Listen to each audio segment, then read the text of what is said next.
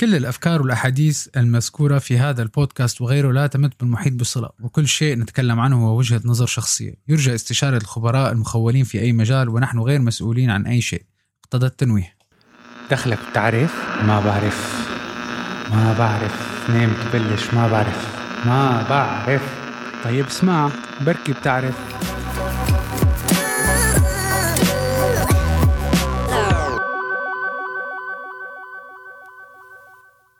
قيادة الريادة ومفردات كتير بنطلقها على المدير أو القائد. أو إذا بتحبوا الربان اللي عم بيقود الشركة. وكلها الموظفين تحت إدارته. ولكن قد ما بنفكر حالنا إنه بنعرف شو يعني قيادة أو ريادة قد إنه ممكن نكون كتير بعاد عن المعنى الحقيقي للفكرة. إذا سألتك شو برأيك أسلوب الإدارة الجيدة؟ معظم الأجوبة رح تيجي مبهمة. حدا بيقول لك في ناس هيك بتحسهم قادة. حدا تاني بيقول لك أي شخص عنده موظفين تحته وهو مسؤول منهم فهذا قائد. أو ممكن حدا بيجي بيقول لك في ناس هيك بتحسهم القيادة بدمهم. الهن رهبة. هلأ هي الأجوبة ماشي حالها بشكل عام ولكن ما بتعطي المعنى الحقيقي لشو يعني أسلوب الإدارة أو القيادة الجيدة. لسبب كتير بسيط. في ناس كتار بيكونوا بمواقع قيادية كبيرة وبيفشلوا أو لسبب ما بيضلوا على رأس عملهم. وفي عندك قادة ما بيكونوا قادة بالمسمى أو المركز ولكن بتصرفاتهم بيكونوا قادة مخضرمين. المعنى هون إنه إذا موقعك الوظيفي أعطاك الريادة أو القيادة مو معناتها إنك قائد. وهذا ما يسمى القيادة المنصبية إذا فينا نسميها أو ال positional leadership حصولك على المركز مو معناتها إنك أنت تلقائيا قائد. السبب إنه كتير ناس ما عندهم فهم واضح للقيادة الناجحة هن إنهم بس يصيروا بالمنصب نص أسلوب عملهم بيكون على مبدأ أنا حاسسني قلبي إنه هيك لازم أعمل أو أنا برأيي هيك منيح وهذا أسلوب كارثي للإدارة. فيك تاخذ قرارات معينة بس لازم يكون لها شوية ارتكاز على بعض المبادئ اللي الجميع بيتفق عليها على إنها مبادئ أساسية وصحيحة للإدارة الصح. وعلى أكثر حتتعلم من التجارب والأخطاء واللي هو أوكي بس ممكن تكون التكلفة كتير عالية وممكن تضيع وقت وفرص كتيرة. والطريقة الذكية هي إنك تتعلم من أشخاص خاضوا التجربة قبلك أو خبراء بهالمجال لأنه ببساطة فيك تختصر وقت وجهد وتخفض المخاطر. جون ماكسويل قسم الريادة والإدارة إلى خمس مستويات. وبشكل عام كلنا بنبلش بالمستوى الأول ولكن شغلنا ومجهودنا هو اللي بيقرر إنه ننتقل من مستوى لآخر. والمستوى الأول هو أسهل واحد لأنه كثير منا بيحصل عليه بحكم الظروف أو الواقع. والمستويات هن القيادة من خلال المنصب القيادة من خلال القبول القيادة من خلال الإنتاج والقيادة من خلال تطوير الآخرين والقيادة من خلال الريادة أو الزعامة. منبلش بمستويات القيادة وحدة وحدة. المستوى الأول بالقيادة هو القيادة من خلال المنصب. هذا أول مستوى بالقيادة والناس بتسمع منك وتتبع تعليماتك بس لأنه لازم يتبعوا تعليماتك بحكم أنك صرت مدير ولازم ينفذوها. فالناس بهذا المستوى بتطيع المركز أو المسمى الوظيفي مو الشخص. أهم علامة أنك بهذا المستوى لما بتكون جديد على الإدارة وهذا أول منصب لإلك أو لما بينك وبين حالك أنت بتعرف إنه الناس عم تسمع لك بس لإنك المدير. وفي كتير ناس بيبقوا لفترة طويلة بهذا المنصب لأنه بتعجبهم القصة وبيستخدموه كمصدر أنه يصير عندهم مريدين والحقيقة أنه هيك بيكونوا فهمانين الإدارة غلط لأنه هذا المنصب لازم يستخدموه لحتى يحسنوا من حالهم ويحاولوا يطوروا أسلوب الإدارة الخاص فيهم. ولازم تحاول تلاقي جواب لأهم سؤال مين أنت بهذا المنصب؟ ولازم تعرف نقاط قوتك وضعفك وشو أسلوب العمل اللي أنت مرتاح فيه وكيف أسلوب اتخاذك للقرارات وشو هي قيمك؟ وأنت شو فيك تضيف للمنصب اللي أنت فيه؟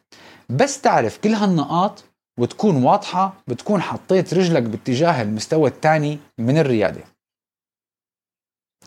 المستوى الثاني من القيادة. القيادة من خلال القبول. توصل لهذا المستوى لما بتكون وصلت لمرحلة من الوعي والتمرس بفهم حالك وقيمك وأسلوب عملك وقدرتك على التواصل مع الفريق بالقول والفعل. وهون بتجي أهمية بناء العلاقات من خلال عدم التصرف الفوقية مع الموظفين. بالعكس تعامل معهم كأنه شركاء بنفس الفريق ونفس المستوى من أجل تحقيق الهدف نفسه. بهذا المستوى لازم الناس تسمع لك بسبب التأثير والخبرة اللي بتشاركها معهم مو بسبب منصبك. هون بتجي مهارتك. لأنه أسلوب تعاملك هو اللي بيكون العامل الرئيسي في إنه الناس تحب تتعامل معك وتتقبل أفكارك. وهذا ما بصير إذا ما بنيت علاقات طيبة معهم. لازم يحسوا إنك عن جد بهمك أدائهم وبهمك تسمع أفكارهم وتتواصل معهم على كل المستويات. وما لازم تكون المدير اللي ما بيهمه غير النتائج. كون المدير اللي بيسمع وبيقدر وبيفهم ظروف الناس بأفراحهم بأحزانهم بمسؤولياتهم وبأحلامهم. وقد ما فيك شجعهم على إنتاج أفضل ما عندهم. فالكلمة الحلوة بتعمر جبال. المستوى الثالث بالقيادة. القيادة من خلال الإنتاج. هذا المستوى هو الفاصل بين المدراء الصح والمدراء اللي بتعجبهم فكرة الإدارة.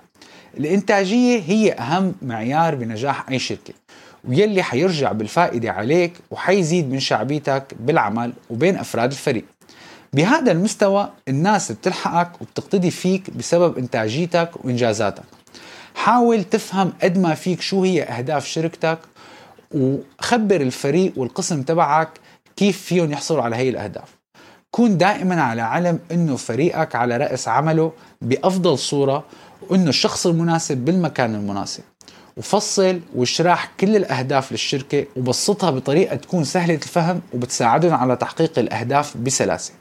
بس لازم تنتبه لنقطة كتير مهمة إنك ممكن تكون مدير جدا منتج بس ما تكون مدير قادر على القيادة لأنه الإنتاجية هي مقياس شخصي. فإذا كنت أنت عم تحقق أهدافك بس فريقك ما له قادر يعمل نفس الشيء هذا معناته أنت نجحت كموظف منتج بس فشلت بقيادة فريقك. فلازم تشتغل إنك تساعد وتعلم فريقك إنه يوصل للأهداف مثل ما أنت وصلت. وكتير مدراء بيوقفوا عند هذا المستوى ظنا منهم إنه هذا هو النجاح بعينه. بس هالشي غلط. وهون أصعب نقطة. لما تقدر تنتقل من قائد بنفذ وعنده رؤية لقائد قادر ينتج قادة ويلي هي على المستوى الرابع.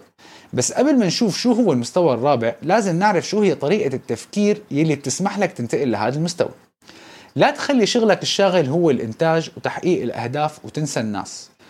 وساعد العالم إنها تكبر وتتطور وهذا شيء مهم كتير أكثر من تطوير الإنتاجية لأنه هن الأساس وبدون الناس أنت ما فيك تعمل أي شيء إذا بدك عن جد تحقق أهداف الشركة طور قادة جدد ودربهم أفضل تدريب لأنه الشعور إنك عم تساعد وتحسن عالم بيعطي دافع كتير أكبر مقارنة إنه بس عم تحقق شو مطلوب منك.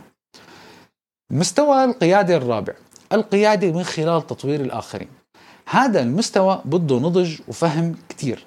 لما بيكون الشخص بهذا المستوى بده يكون شغله الشاغل إنه يترك بصمة بين الزملاء ويعطيهم أكبر فائدة ممكن أكثر ما يكون هو محور اهتمام الجميع ومثل ما بيقولوا تحت الأضواء. والفرق الرئيسي بين هذا المستوى والمستوى الثالث إنه بالثالث بيكون التركيز على إنتاجية الفريق بينما هذا المستوى بيكون التركيز على تحسين الفريق كأشخاص. تخريج قادة جدد قادرين يقوموا بالعمل ويعلموا أشخاص مستقبل. وهي المرحلة أهم عامل فيها إنه يكون عندك إيمان مطلق بالأشخاص اللي حواليك إنه قادرين يوصلوا للي هن بالدنيا. بغض النظر إذا حيضلوا بالشركة أو لا أنت مهمتك إنك تجعل منهم أشخاص ناجحين بدون ما تتضايق إذا قرروا يمشوا بحياتهم وياخذوا طريق تاني.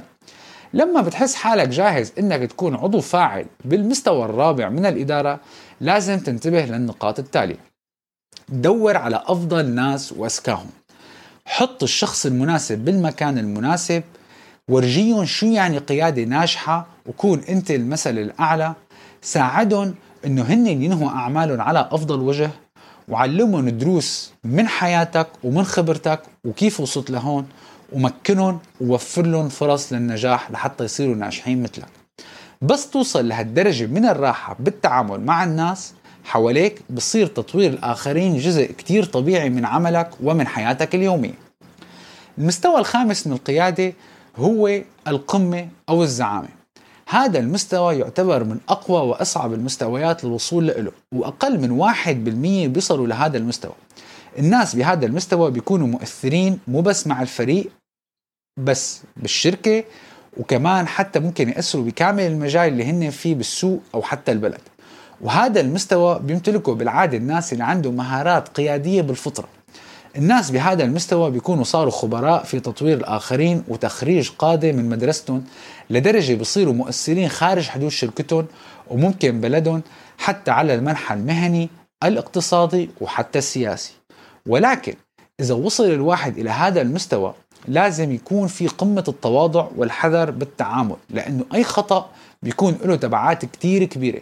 ومثل ما بيقولوا بصير في فضيحة وحيكون الشخص بوضع لا يحسد عليه. ولكن في خطوات الواحد ممكن يتخذها حتى ما يقع بأخطاء بهيك مستوى. وحنحكي عنهم باختصار. واحد ما تفكر إنك وصلت القمة إنه خلص التعلم وقف تذكر القيادة هي رحلة وليست وجهة. اثنين إياك تضيع البوصلة وتنسى قيمك وأفكارك ومعتقداتك كرمال أي شيء. لأنه إذا نسيت شو أنت ونسقت ورا الشهرة والبهورة الأخطاء ممكن تكون نتائجها مدمرة. فأوعك تخاطر بسمعتك.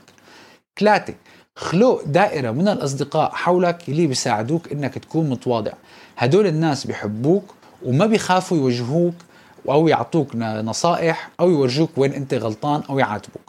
أربعة دور على الشخص اللي بده يكون خليفة لإلك ولا تنتظر بس تقرب على التقاعد لتدور على شخص يحمل نفس مسيرتك وقيمك. حاول تلاقي شخص ليبلش معك. الرحلة ويكون عندك وقت تعلمه وتدربه. بالنهاية القيادة هي تأثير. بدك تشوف قديش إنك أنت منيح. شوف حواليك. إذا عم بتأثر على الناس وتساعدهم وقديش فيهم الناس اللي حواليك يخلصوا أعمالهم بدون ما يعتمدوا على منصبك أو قوتك ليخلص الشغل. هون بتكون عن جد قائد ناجح. وقبل ما نختم لازم تتذكروا شغلة كتير مهمة. مو شرط تكون على نفس المستوى مع كل الناس اللي حواليك. ممكن تمارس أكثر من مستوى حسب الأشخاص اللي عم تتعامل معهم. وإذا غيرت شغلك وانتقلت لشركة تانية وكنت بالمستوى الرابع مثلا بالشركة القديمة أنت حتكون بالمستوى الأول من جديد بالشركة الجديدة. وهون بتجي مهارتك كيف ترد تنتقل عبر المستويات بالشغل الجديد بسرعة. لحتى تبلش تغير طريقة تفكيرك. ولتفتح آفاقك جرب هالخطوات. أول شيء اطلب رأي الناس اللي حواليك وخده بدون أي حساسية.